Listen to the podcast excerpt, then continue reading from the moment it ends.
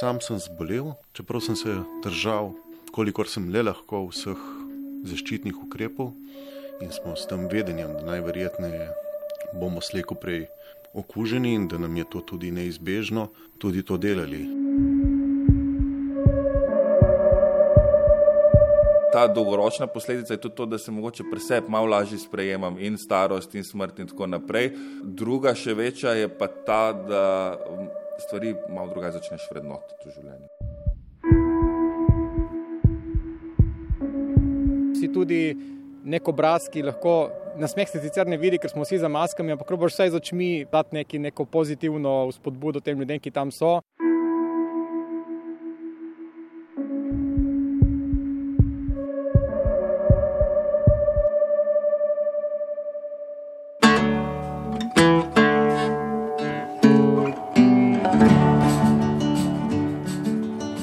Prostovoljni bolničarke in bolničari iz območnih združenj Rdečega križa Koper, Izola in Piran so samo v času epidemije COVID-19 opravili nekaj tisoč prostovoljnih ur. Sodelovali so in to še počnejo pri številnih dejavnostih in v različnih ustanovah. Prvo nalogo so prostovoljci dobili na mejnem prehodu Škofije med 11. marcem in 14. aprilom lani. Delali so v treh izmenah, vse dni v tednu.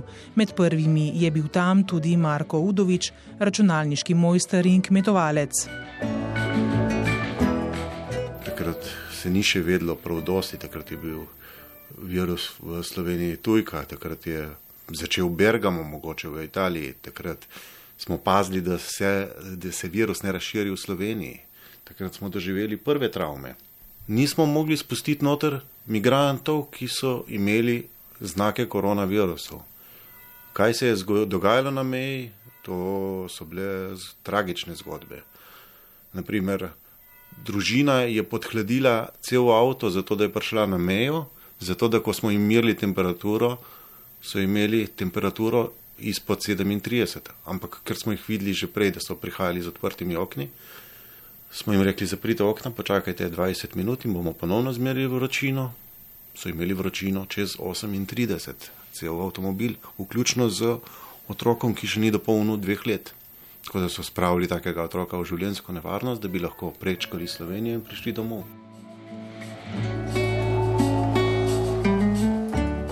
Aleš Oven, sicer zaposlen na Univerzi na Primorskem, se tega časa spominja tako. Noro obdobje je bilo. Res, včasih, ko pomisliš, se spomnim, mask ni bilo za dobiti, eh, zaščitne opreme ni bilo. To se je vse, vsi smo mal improvizirali na vseh koncih. Pa zdaj mi še nekako za nas je bilo poskrbljeno. Ljudje si videli, jaz sem pozabil enega tovornjaka, ki je prišel z modrcem na. Um, obrazu, ker je bilo to edino, s čimer si je lahko zaščitil uh, dihalne poti. Tako da je bilo kar pestro, je bila pa zraven tudi policija. No? In tam smo precej lepo sodelovali, tako da nekih hudih izgledov ni bilo, če se je pojavil kdo z vročino. No?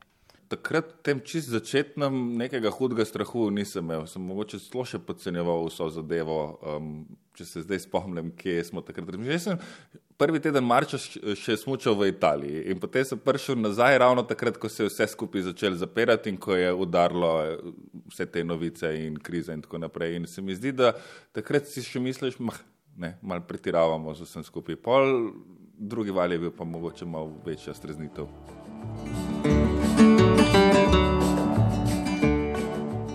Kolegi iz Buj in Trsta so vzpostavili mednarodno verigo, z njo omogočili nemoteno dostavo zdravil, ortopedskih pripomočkov in higijenskih potrebščin.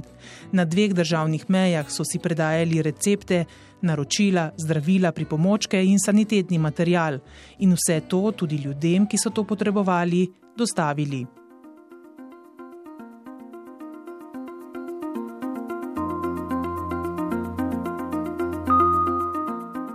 Splošno bolnišnico Izola so prostovoljci Rdečega križa začeli sodelovati lani novembra.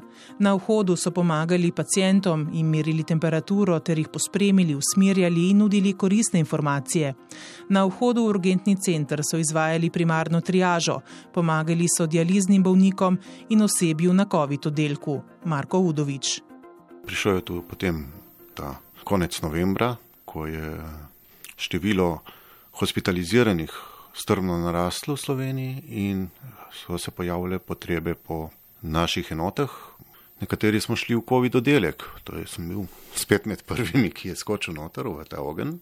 In uh, znašli smo se v prepolnih sobah med ljudmi, ki so dnevno umirali, pomagali smo ljudem, da so preživeli noč in dan, jih obračali, da so dobili kisik, jim štimali maske, ker so si med spanjem potrgali dol kisik, poskrbeli, da je bila njihova higiena in prehrana in hidriranje na mestu.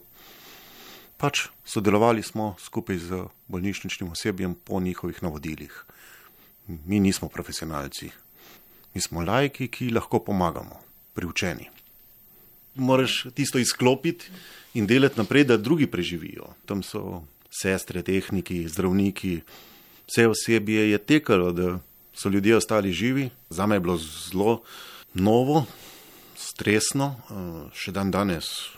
Jaz podoživljam zadeve, v tem trenutku jih podoživljam in me bo zaznamovalo za celo življenje. Za kakšenkrat smo držali človeka pri zadnjih zdihljajih.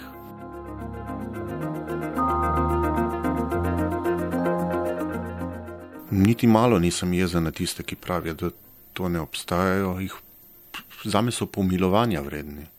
S časom sem prenehal biti jezen na to populacijo. Jaz mislim, da so to ljudje, ki ne razumejo ali nimajo empatije ali imajo narcisizem, neko težavo imajo, da ne razumejo, kakšna velika zdravstvena težava je pustiti tak virus med populacijo.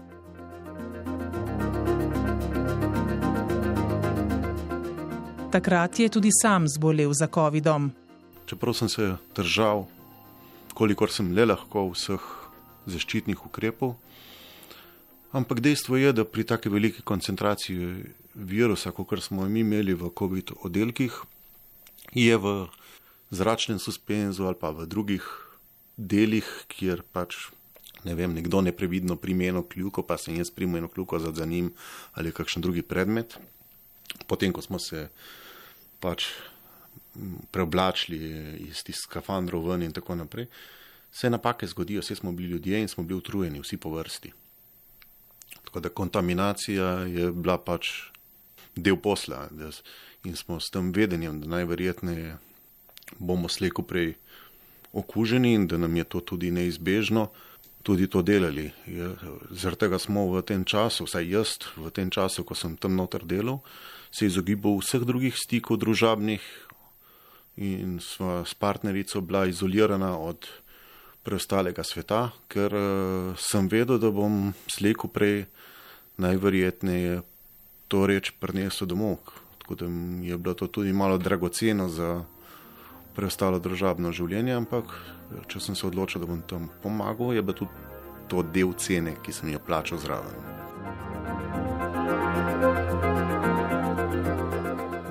Bolezen je uspel obvladati v 14 dneh, a skoraj 8 mesecev je trajalo, da je spet na polno zadihal. Verjamem, da so ta obdobja daljša, da človek pride in da zavedanje je zelo nizko, kakšne so posledice sploh na organih, ki jih ta virus po prebolelosti pusti. Pljuča niso edini organ, kjer pusti posledice. Raziskave kažejo, da pusti posledice predvsem na možganih, na pljučih, na srcu in na nekaterih drugih notranjih organih. Tako da je sigurno to ena izmed zadev, ki jih nihče noče imeti. Vsaj ne bi si smel želeti imeti takih posledic. No.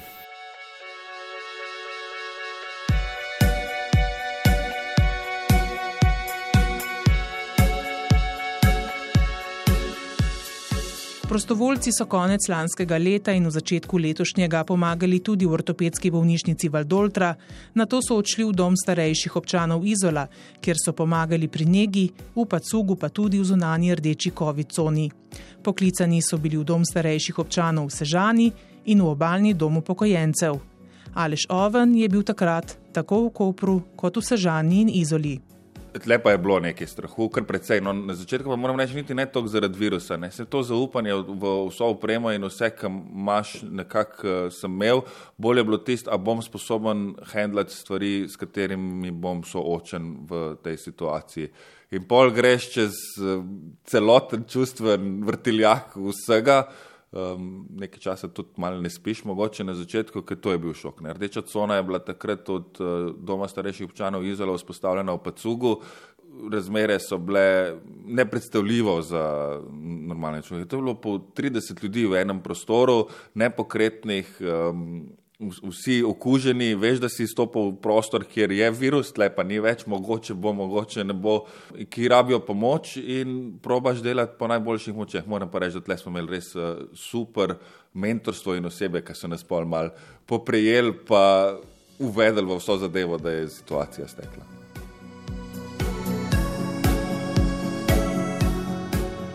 Pri posameznih ni bilo nekih hudih težav, Ma velika večina je bila pa v velikem šoku. To, um, pri starejših tudi je veliko demence in je, so zelo pomembne, da so stvari tečejo v nekem ustaljenem redu vsak dan, da ni sprememb in tako naprej. In to so bile neverjetno velike spremembe za vse njih, eh, drug prostor, drugi ljudje. Oni so dejansko, eni so mislili, da so tam vesolci, ki okrog njih hodijo. Mi smo bili v tistih skafandrih, nobenega osebnega stika, direktnega ni bilo, vse se trudiš, pa gre.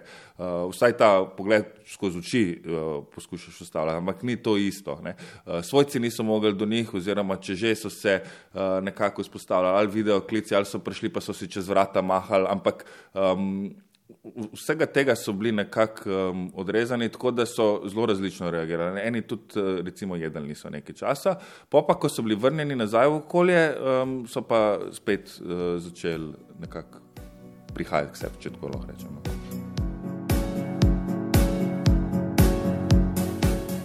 Soočili pa ste se tudi s smrtjo. Ja, in to že prvi dan. To je bil mogoče tisti uh, največji šok. Uh, takoj na začetku, ko mi, ki smo noter prišli z nekim pričakovanjem, niti ne veš, kaj boš delal.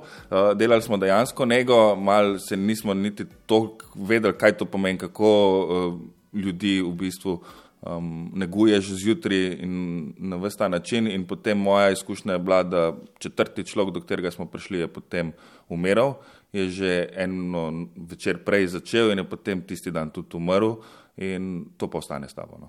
Še zdaj, doskrat, zaznamujete najprej v tistem šoku, tega nismo več tako navajeni. Ne? Mogoče so v starih časih bili bolj. Um, domači si smrtjo, so tudi ljudje doma umirali in tako naprej. Zdaj smo mi to malo maknili stran in tu smo bili direkt izpostavljeni temu in pol ugotoviš, da to je spet ena normalna stvar življenja, tako da ta dolgoročna posledica je tudi to, da se mogoče preseb malo lažje sprejemam in starost in smrt in tako naprej. Uh, druga še večja je pa ta, da um, stvari malo drugače začneš vrednotiti v življenju. Mar si kdo, ko ti kaj reče, pa recimo ali v službi, ali v dnevnem življenju, kaj se mudi, kaj je nujno, um, kakšne so te stvari, si rečeš, pa ni. Ne? Mislim, so neke druge prioritete v življenju, ki so malo bolj nujne, kot to, kaj ti v nekem trenutku hočeš dobiti.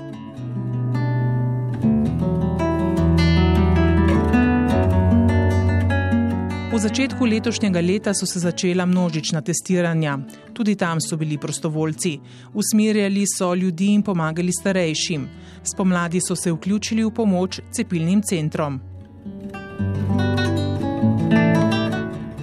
V zadnjih tednih so znova povezani s splošno bolnišnico Izola, pomagajo na urgenci, na oddelku kirurgije in COVID oddelku.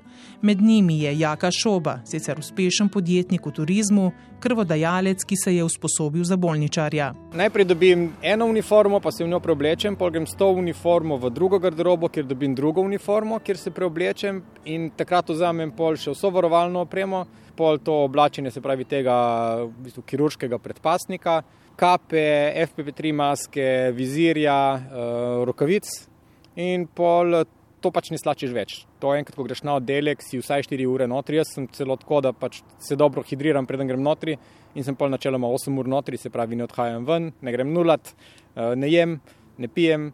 Po 8 urah pridem ven, imam radonsko v avtu, se preoblečem, grem v avto, lepo spijem, se rehidriram in grem domov na večerjo. Vstop na bolnišnični COVID oddelek je bil spontan, pa vendarle nekaj povsem novega.